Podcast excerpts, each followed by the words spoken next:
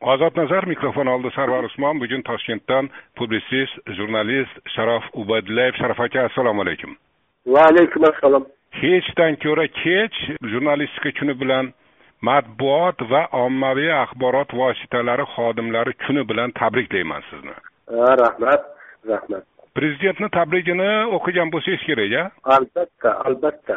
Sizga g'alati tuyulmadimi shu prezidentni tabriklashi yo endi bundayda yo'q menimcha yo'q unaqa prezident aytmaydimi? Jurnalistlar kuning bilan qo'shmazor bo'l maqolalaring bilan qo'shmazor bo'l deyishi kerak emasmi prezident man judayam faxrlanaman qaysi zamonda bo'lishidan qat'iy nazar. Mayli o'sha biz o'tmishimizda ham mustaqilligimizni birinchi bosqichida ham bugun yangi o'zbekistonda ham prezident maqomida jurnalistlarni tabriklashi bu jurnalistlarga biz tan olamizmi tan olmaymizmi? Biz uchun judayam katta sharaf. Tasavvur qiling endi bizdan ham kam ahamiyatga ega bo'lmagan kasblar bor. Bularni hammasi bilan prezident tabriklamaydiku.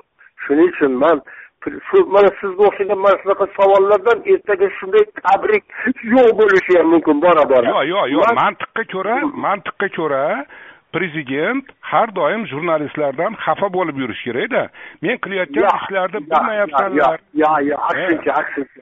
Jurnalistdan hech kim xafa bo'lishga haqqi yo'q. Agar jurnalist qayerdadir ishonchni oqlash imkoniyatida bo'lmay qayerdadir so'z qayerdadir qoqilib qayerdadir aytaylik to'la o'zini namoyon etolmagan bo'lsa bunga endi ochilgan zamon aybdor muhit aybdor. Yana bizni zamonda qarang zamon ham jurnalistika tarafda turibdi muhit ham. Lekin jurnalistikani shunday odamlar borki kushandasi. Mayli mana suhbatimiz orasida man balki bularga ham to'xtalman jurnalistikani afsuski mana shu yangi o'zbekiston sharoitida bugungi katta o'zgarishlar zamonida shunaqangi kushandalari bor. Ular juda ko'pchiligi o'zini etagi ochilib ketishidan. Jurnalistga shunday yomon dovul shunday yomon shamol shunday haligi to'xtamaydigan bo'ron uncha muncha haligi nima deydi etaklarni ochib yuborishi mumkin ochib yuborishi prezident ham e, aybdor emas jurnalistlar ham aybdor emas ekanda yana uchinchi kishilar qarang prezident mundoq deyapti.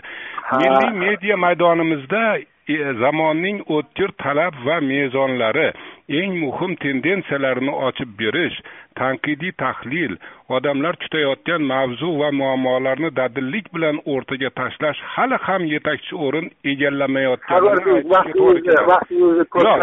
yo'q men prezident prezidentdan o'qib beryapman. Man endi kim kim aybdor? Mana prezident aybdor emas ekan jurnalistlar o'zlari aybdor emas ekan. Kim aybdor prezident tirik odam e, har qanday birinchi rahbarni ham endi shu e, matnlarni tayyorlaydigan odamlar bor. Ma'lum yillarda men e, o'zbekiston kompartiyasi markaziy komitetida undan keyin o'zbekiston prezidenti devonida shu tabriklarni tayyorlashda qatnashgan shularda qanday qanday dunyoga kelishini kuzatgan odamman shuning uchun bugungi tabriklarni o'ttiz yildan beri bitta odam yozadi. Va u odamni o'zi charchamaganiga hayronman keyin u odamni umuman e, o'ttiz yil agar siz bitta mm, qasidani qayta qayta yozaversangiz o'zi chaynalib ham e, bir gapni chaynab chaynab. Shuning uchun o'ttiz yildan beri e, hatto o'zbekiston birinchi prezidentini ham hozirgi prezidentimizni ham mana shunaqa tabriklarini yozadigan bizni mashhur yozuvchimiz bor. Endi u kishidan biz ko'p narsa kutmaymiz albatta o'sha bitta narsa ko'p chaylanaveradi aylanaveradi. Lekin men tabriklardan qat'iy nazar siz doimo mana shunday masalada ko'p haligi qilmaysiz olqishlamaysiz yoqtirmaysiz. Man prezidentni jurnalistlarga ko'ngli ichi juda oqligini bilaman ishonaman. Prezident qachondir haqiqiy jurnalistlar bilan birga bo'ladi. Soxta jurnalistlar bilan emas. Bugun afsus uni atrofini mutlaqo soxta jurnalistlar egallagan. Ularni jurnalistika ham qiziqtirmaydi jurnalistikani dardi hasrati ham qiziqtirmaydi. Ular hammasi yumshoq kresloda aylanib aylanib o'ynab tursa bo'ldi. Lekin bu vaqtincha men bunga aminman prezident mana shuncha yildan beri uch yil bo'ldimi? Jurnalistlar bilan ha jurnalistlar bilan bir bevosita muloqot qilmaganini boisi shunda shundami? Nima? Bir mana shu masalada ham man aytmoqchiman. Mana shu masalada ham prezidentga shuni yetkazadigan shu masalani tayyorlaydigan shu masalalarni jurnalistlar bilan uchrashuv payti yetganini aytadigan odamlar ozroq sustlik qilyapti. Bu to'g'ri emas to'g'ri emas. Chunki prezident e, ijodkorlar bilan uchrashuvni bundan ikki yil oldin boshladilar dastlab kelgan paytlarida yozuvchilar bilan judayam e, betma bet sermahsul sermazmun e, suhbat bo'lgan. Buni siz juda yaxshi bilasiz. Uni samarasi o'laroq yozuvchilar olamida shuncha katta o'zgarishlar bo'ldi.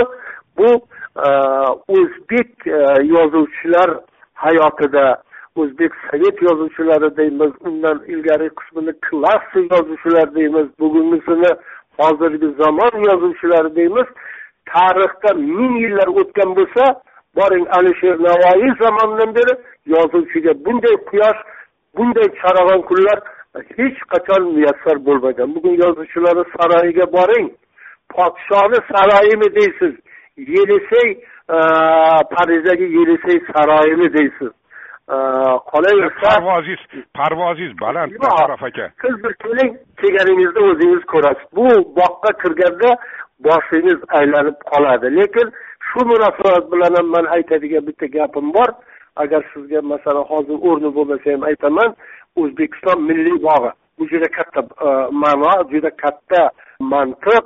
O'zbekiston milliy bog'i faqat yozuvchilardan iborat desak unda biz muso al xorazmiy termiziy qolaversa meditsinamizni otasi ibn sino osmon falakiyotni aytaylik bilimdoni mirzo ulug'bek shular o'zbek bo'lsa milliy bog'imizda ular qayerda bo'lishi kerak degan savolga bugun javob beradigan odamlar hammasi yerga qaraydi manimcha eng yuqorida ana shu odamlar turishi kerak agar alisher navoiy hazratlari shu boqqa kelganda u kishi so'zlarda aytar edi.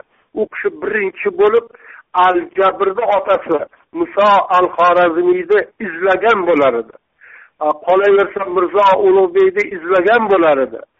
Endi faqat e, ochiq gap dunyo faqat adabiyotdan iborat e, odob faqat adabiyotdan o'rganiladi desak bu juda kamlik qiladi. Judayam E, sayoz e, qaragan bo'lamiz. Shuning uchun qachondir bizni milliy bog'imizni yana bir yuqori pog'onasi bizni o'zbek millatini dunyoga tanitgan olimlarimiz e, boring aytaylik boshqa adabiyot san'at sohasini namoyandalari bilan to'lsa shunda bir millat yuzaga chiqqan bo'ladi. To'liq yaxshi gap. Yaxshi gap lekin mavzudan chalg'imaylik matbuot va ommaviy axborot vositalari xodimlari kunidan ikki kun o'tib gaplashib turibmiz.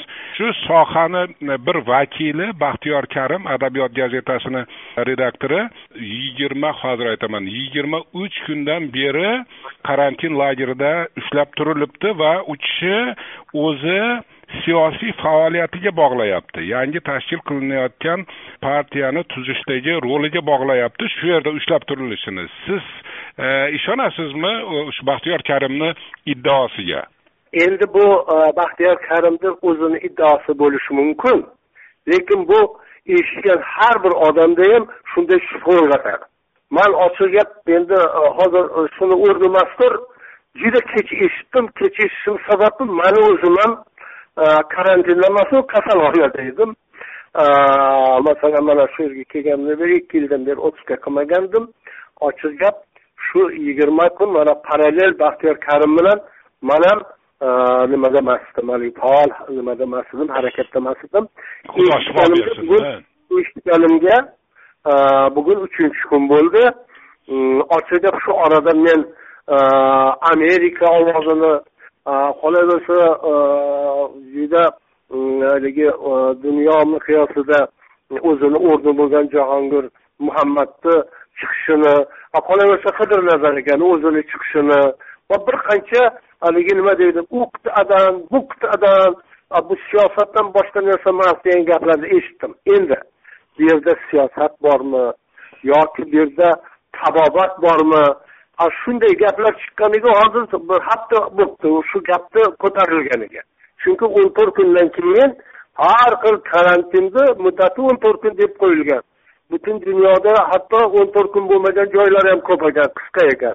A bizda o'n to'rt kun ekan davlatimizni marhamati bilan o'n to'rt kun biz e, bemorlarni shubha ostida bo'lgan hokazo hokazo odamlarni olib borib o'n to'rt kun shu karantindan o'tkazib javobini beryapmiz. Hali o'n besh kun ushlangan odamni eshitganimiz yo'q.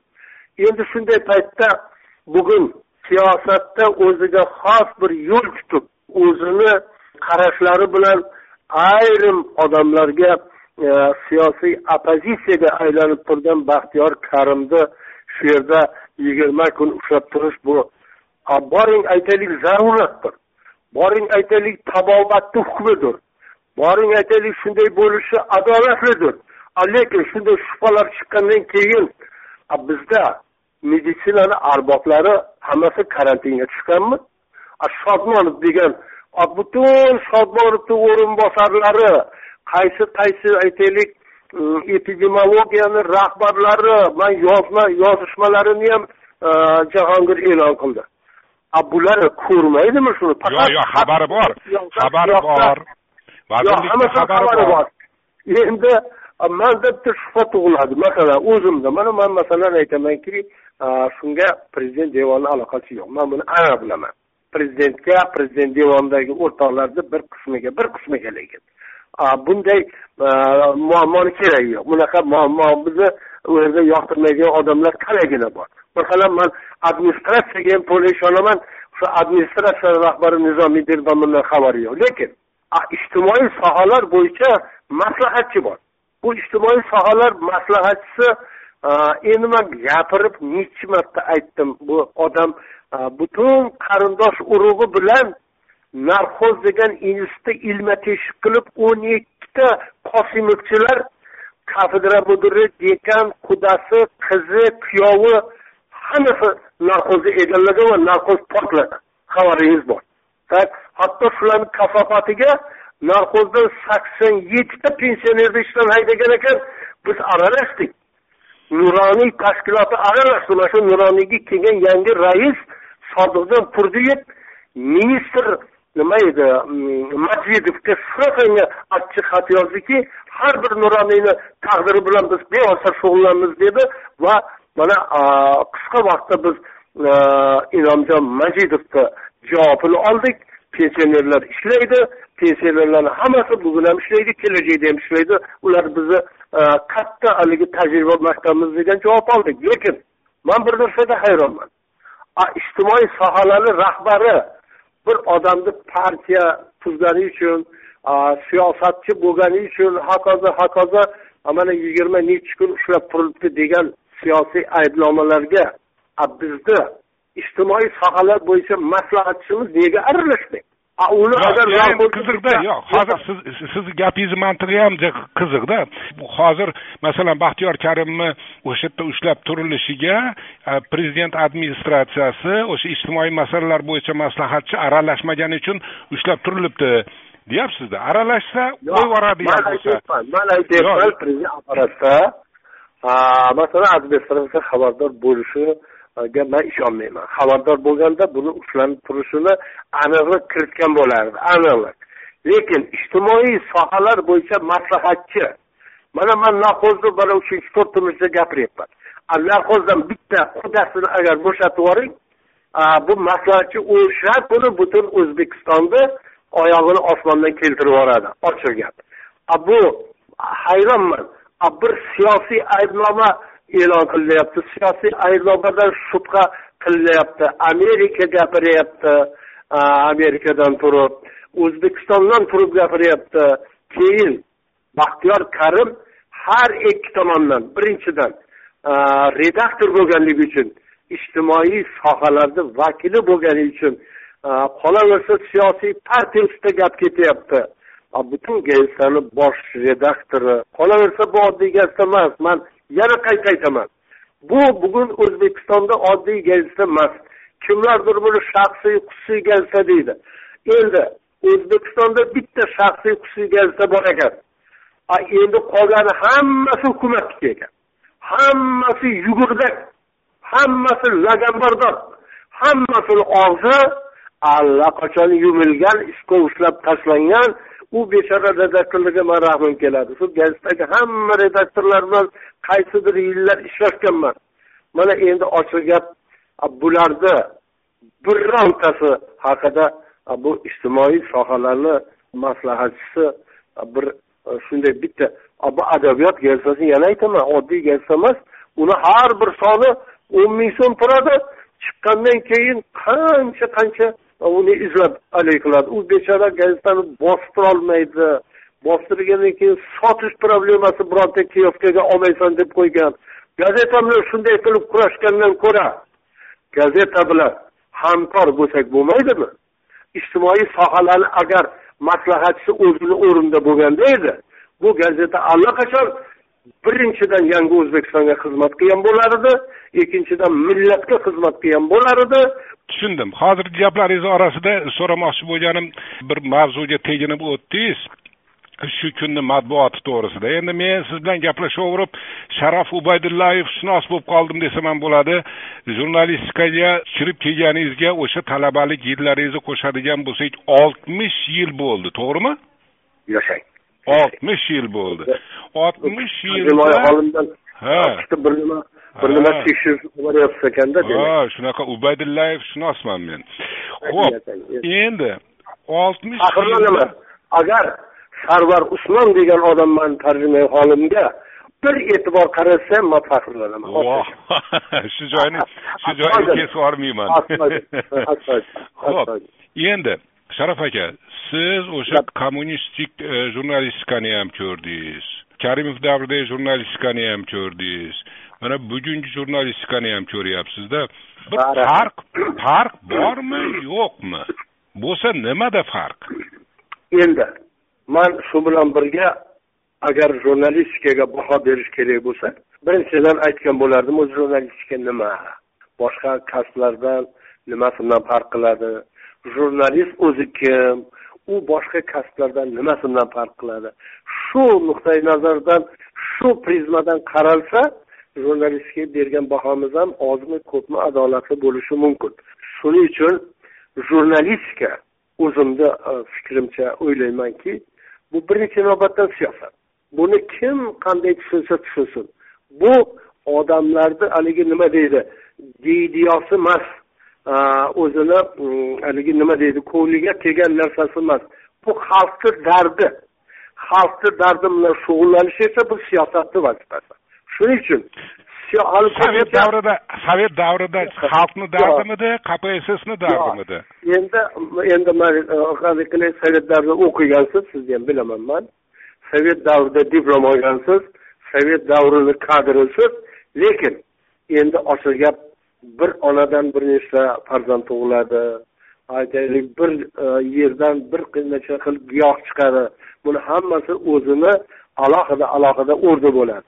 Shuning uchun u sovet davrida ham boshqa davrda ham jurnalistikani o'zi dunyoga kelish nimasi ham xalqqa xizmat qilish. O'zi jurnalistika bundan o necha yuz yillar oldin shu haligi bir ro'yxat sifatida jurnalist degani jurnalga yozib shu yerda bir biri bilan axborot almashib shu bir biriga haligi e, iqtisodiy aytaylik axborot yetkazish uchun boshlangan ekan xalqqa xizmat qilishdan endi bugungi jurnalistika albatta nihoyat darajada shunday bir davrga haligi qo'ydiki jurnalistika siyosatni ustunlaridan biriga aylandi. Ochiq gap juda chiroyli bir tashbih yaqinda mana matbuot kuni munosabati bilan matbuotga chiqmagan matbuot rahbari qolmadi o'tkir rahmati ham chiqdi boshqasi ham chiqdi.